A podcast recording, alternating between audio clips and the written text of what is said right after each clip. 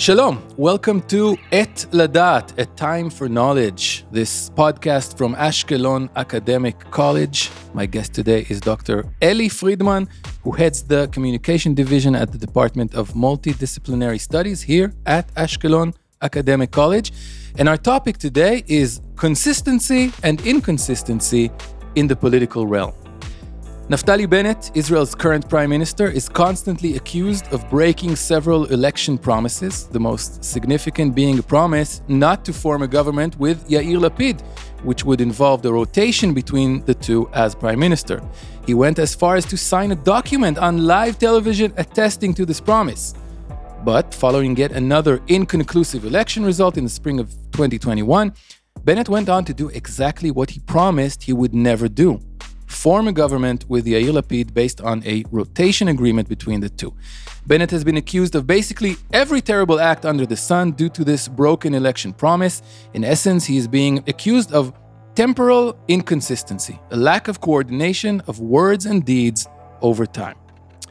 Why is the presentation of consistency such a key aspect of politicians' public personas? Today, we will learn about this concept from Dr. Friedman, who conducted a study about the perceived meanings and functions of political consistency with his colleague, Dr. Zohar Kampf. Shalom, Elie. Shalom, Jonathan. Nice to be here. Great to meet you and great to be here. You know, this is our one single uh, episode in English for this season. So I have to ask you to tell us a little bit about yourself and how you got to Ashkelon, of all the places in the world. Well, there's the long version and the short version. I'll okay. give you the short version. Go ahead. Uh, I'm born in uh, Toronto, Canada. And uh, as part of my, I guess, my Jewish education, I became interested in Israel. And um, I eventually, in the middle of my studies, my university studies, did a one year program at the Hebrew University, which got my brain thinking about maybe I want to be part of this crazy thing called the State of Israel. Mm. And after a couple of years, I ended up uh, making Aliyah and coming to Israel. And uh, I'll skip forward a few years. I finished my doctorate at the Hebrew University in communications, and uh, now I'm a member of uh, the uh, faculty here at Ashkelon Academic College. I'm interested in studying um, the social and political uses of language um, in various media. So, the story we told in the beginning about our uh, inconsistent prime minister you know, for a cynic like me, I say, what's new? Politicians have been zigzagging and flip flopping and lying to us from the beginning of time. But you want to look at it another way, right? Not, not state the obvious. Uh, talk us through your perspective. Well, um, no doubt that zigzags, flip flops, every language has its own term for this, is, um, is, is, as old as the hills, as they say. It's nothing that Naftali Bennett uh, invented, of course. And you you mentioned the word lying, but it may be a little bit more complicated than that. Mm-hmm. Um, one of the questions that that we were interested in, myself and Zohar Kampf, in our research, is why is the issue of consistency so important for a politician's public persona? And on the other hand, why do they have so much trouble being consistent? Because it may not be that they're lying at that exact moment where they made a certain election promise, um, but circumstances change. Different audiences demand different things. For example, an Israeli audience may demand a different uh, statement than a, an international audience. Mm-hmm. And um, circumstances also change in terms of uh, who are your coalition partners, mm-hmm. uh, what is possible in, uh, in, in a given circumstance. So it, it's not necessarily lying, but it's also the extent of to what extent do I, as a politician, need to stay true to to to my own statements, mm-hmm. or do I need to be flexible, uh, flexible and yeah. and uh, and capable of uh, of uh, making compromises, which is uh, uh, you know a basic uh, basic thing for right. for any civil servant. And um, in other words, you're saying that we as as a voting public are highly critical of this one aspect, the inconsistency. We latch onto it. The media latch, latches onto it. It's like an, an attractive uh, thing that we we uh, discuss. Yes, definitely the issue of of inconsistency in particular um, is something that uh, journalists definitely latch onto in the digital age. It's so easy to find gotcha. what the, yeah what they said two years ago or whatever it may be, uh, and find the inconsistency. Uh, we have a, a, famous phrase from a, a, a song in Hebrew, mekan lo misham. What you see from here, you don't see from there. Mm-hmm. And uh, politicians have actually made use of that statement. Uh, famously, uh, former Prime Minister Ariel Sharon uh, used that statement to explain a, a, very drastic change in his policy mm-hmm. that he that he um, engaged in before leaving uh, Gaza Strip. Not so far for, from from where we're sitting right now.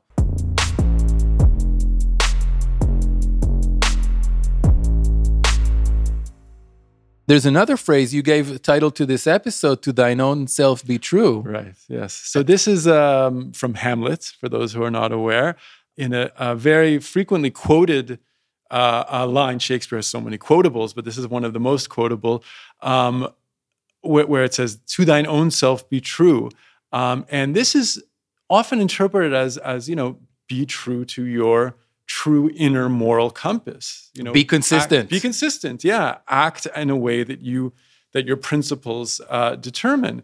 But if we look at it a little more closely, I think some people have interpreted this way also that Shakespeare is looking at this a little bit cynically not the person who who says this statement is Polonius, who's one of Shakespeare's famous clowns characters, mm. right?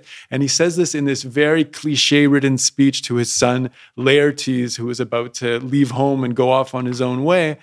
And Polonius himself is someone who never really acts true to himself. He's a conniver and he spies on Hamlet, which then leads to his, his own death. So perhaps uh, Shakespeare is taking a little bit more of a skeptical view of is this something that we should really um, uh, uh, attempt to attain, or should we accept that maybe we're we're flexible and circumstances change and actions need to change as well? From what you're saying, the the way it's framed in Hamlet is that um, the hypocrisy is built in even to that statement of of you know total honesty yeah. that's maybe impossible yeah, it's possibly what Shakespeare's trying to say is the fact that someone who's so despicable and clownish and is the opposite of consistency mm. makes this kind of statement is showing that well we need to be we shouldn't uh, try to live by these kinds of platitudes let's say or these, these, these sort of cliche principles but life is, is a little more complicated mm-hmm. so what what have you what have you and your colleague uh, been studying uh, are you studying the uh, the public, the media, the politicians themselves? How are you looking at this? Um, okay, yeah, thank you. It's a good question. Um, well, first of all, we, we try to understand that um, this whole idea of consistency is, is very complex in a political environment. We're definitely looking at politics and, and, and their statements, right? Um, first of all, public figures, politicians specifically, need to accommodate lots of different audiences. They need to balance the demands of new audience, previous audiences, maintain political alliances with coalition partners, maybe with international players as well, and respond respond to, to, to changing circumstances. So when they are inconsistent, they sort of have to somehow figure out how to withstand these credibility tests because they're always facing this kind of gotcha, like you said before, uh, from the media. What we first tried to do is try to sort of understand what are the defining components of consistency? What, what are the main attributes? So, first, if I can just go through a very brief list, first, um, the actor mm-hmm. needs to be consistent with him or herself, which means they need to somehow eliminate kind of this cognitive dissonance that people have with themselves. They sometimes have contradictions within their own mind, right? This is something that we all we all face, and this is a, a challenge.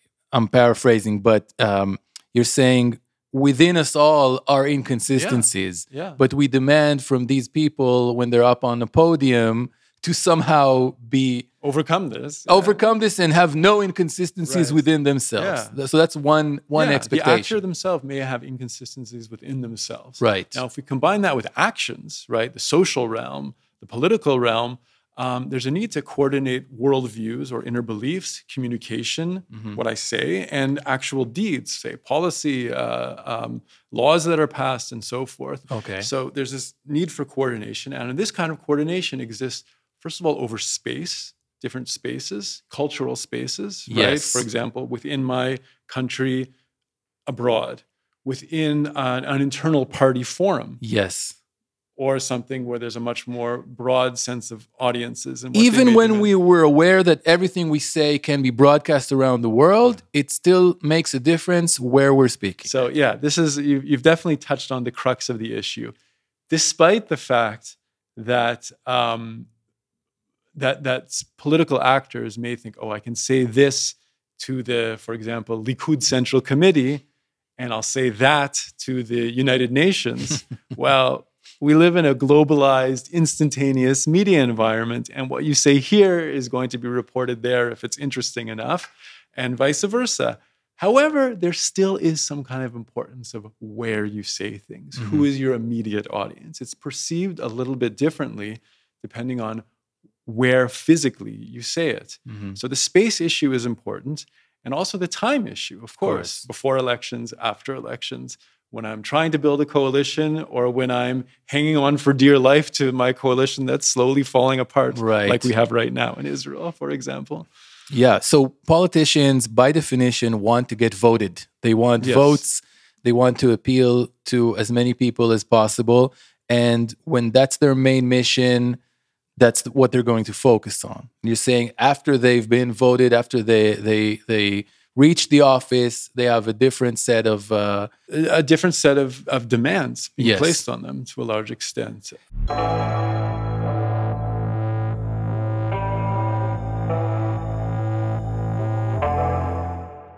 In addition to the issue of connecting consistency to, to ideological strength or fortitude, we found that um, consistency is also this kind of resource that politicians can utilize to talk about how they relate to different groups, how to manage relationships.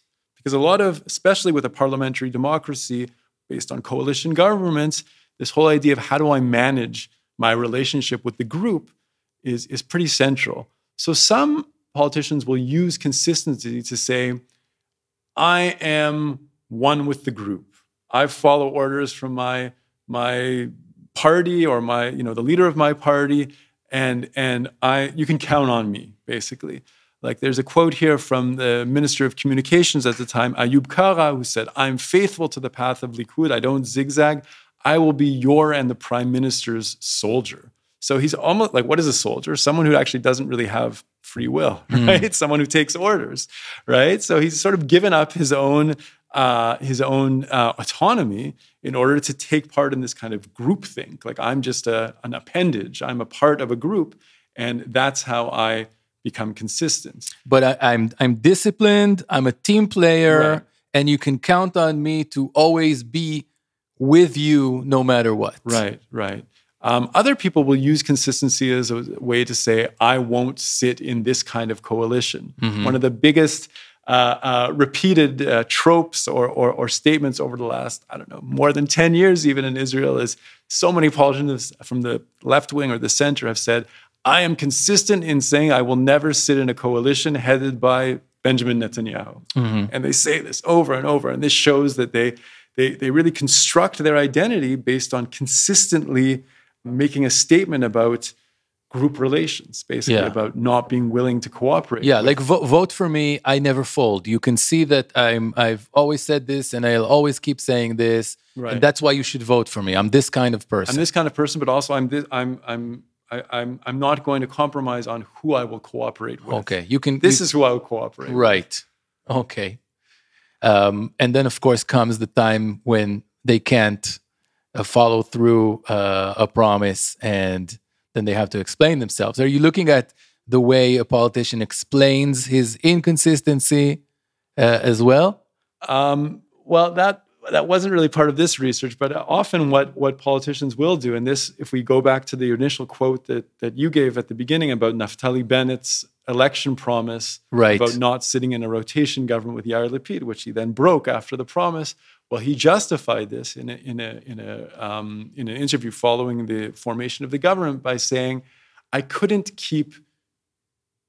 all of my promises and there was a choice i made another promise that said i will make sure we don't go to a fifth election Right. and i came to the prior, prioritizing that that promise was more important for the people of Israel yeah than than the other than the other issue promise of who I'm sitting with, because it would be a disaster if we go to a fifth election. so that's his version of the uh, דברים שרואים מכאן לא רואים משם Yeah. the, the Sharon quotes Yeah, the, the thing of it, you don't what you don't see from there, you see from here, in the sense that I couldn't consistently keep these two promises. Only one of them, which is actually true. It's kind of a zero sum game. He could only do one of those promises. So sometimes you justify uh, being inconsistent on one issue by saying, "Well, I need to break that in order to be consistent on another issue, which is prioritized."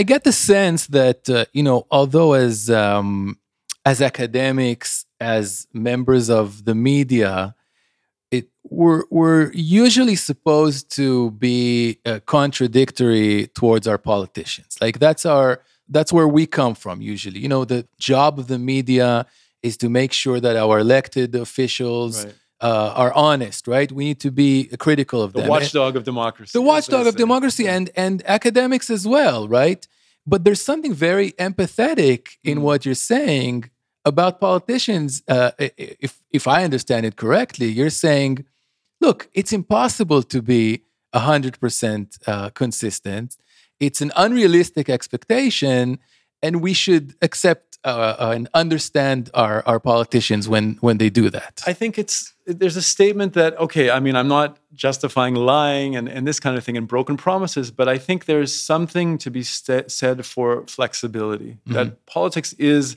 the um, the profession of the possible. Uh, I'm not sure something of the possible, like Okay. the science of the possible, which means you can't get 100% of your demands, right? Only certain things are possible. Yeah And um, it's all about compromise yeah, I mean, anyway compromise, whether it's within a coalition or within a party um, or budgetary demands. I mean, you can't keep all of your your promises, and a certain amount of inconsistency is required. And I think also, if we look at even the history of Israel, I mean, certain decisions that have been made that are clearly inconsistent with the party platform or or, or what have you are actually remembered I mean, it depends on by who, but by at least some publics as being some of the most important decisions uh, made by politicians that really improved um, the, the the state of the country or their le- or their individual legacy, like Their uh, yeah. uh, the the general who became a peace a Right, peacemaker. Yeah, there's this uh, from hawks to doves, right? Where a general. I mean, if we think about our most consistent prime minister in the history of Israel, the person who comes to mind for me is Yitzhak Shamir. Hmm. And if you ask what he's remembered for, not much, Hmm. right? He was um, ideologically very uh, strict and, and stalwart, and, and, and, and he's respected for that. But if you think about important decisions that he made or something like that, I don't. Whereas those who are accused of inconsistency, Yitzhak Rabin, Shimon Peres, Arik Sharon, even, they're probably going to have a more, a stronger legacy in terms of going down in the history books as, as doing something that, that was important. And why do you? I, my uh, my thought is that it's a better story. That's why we we keep talking about it. Is, is, is there Yeah. another explanation? Do you I think? mean, I agree with you that there is a story because there's a narrative to be told. There's some kind of a change that the person underwent. So it's more interesting, possibly. But it's also, I think, the realization that, um, you know, being ideologically strict and, and not, not being able to respond to changing circumstances is, is not necessarily the best thing for your country Mhm. um, because there is a need for some flexibility, I think, and circumstances do change. I mean, approaches, of, even you know, people talk about it. Security approaches have changed so much over the last number of dec- decades because of technological changes. So if you're still stuck in this approach of army, of you know, a standing army and this kind of thing, uh, of fighting over a border, it's like, well, that's that doesn't exist anymore, right?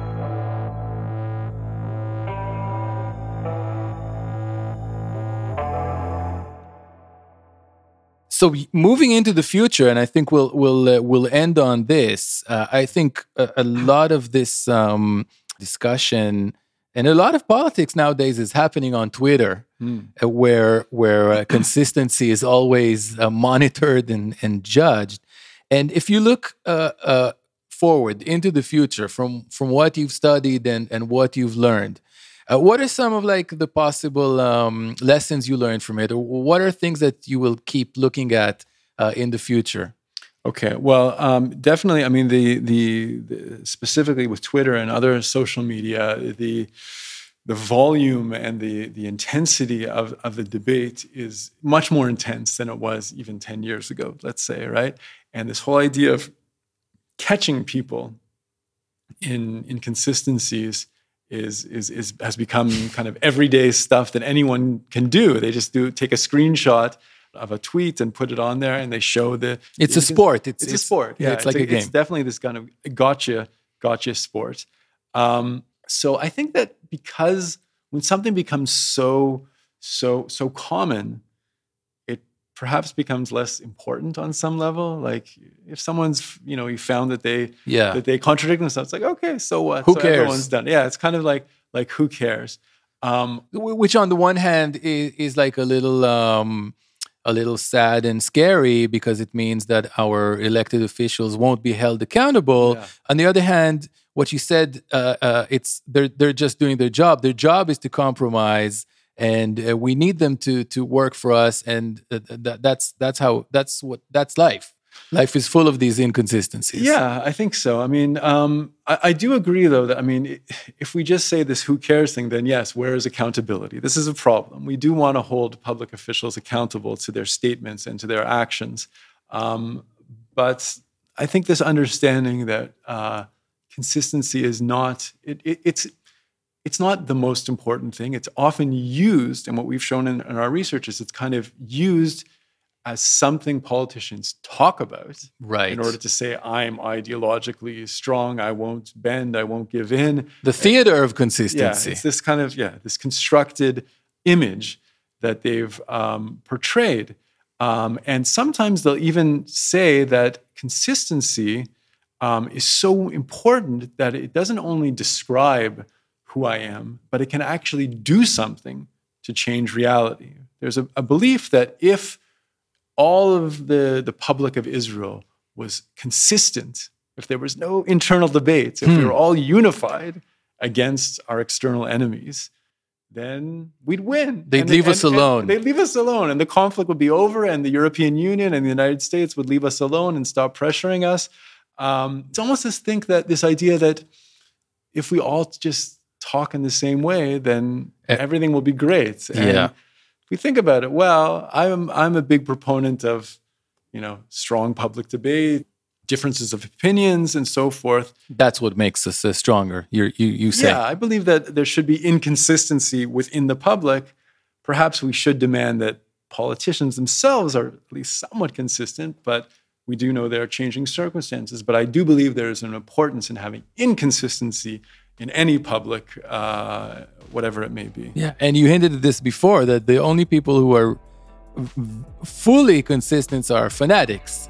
Yeah, yeah, exactly. Uh, people on the very, uh, uh, the very uh, fringe. Uh, okay, uh, Dr. Elie Friedman, that was very, very interesting. thank you. Toda Thank you very much, Jonathan.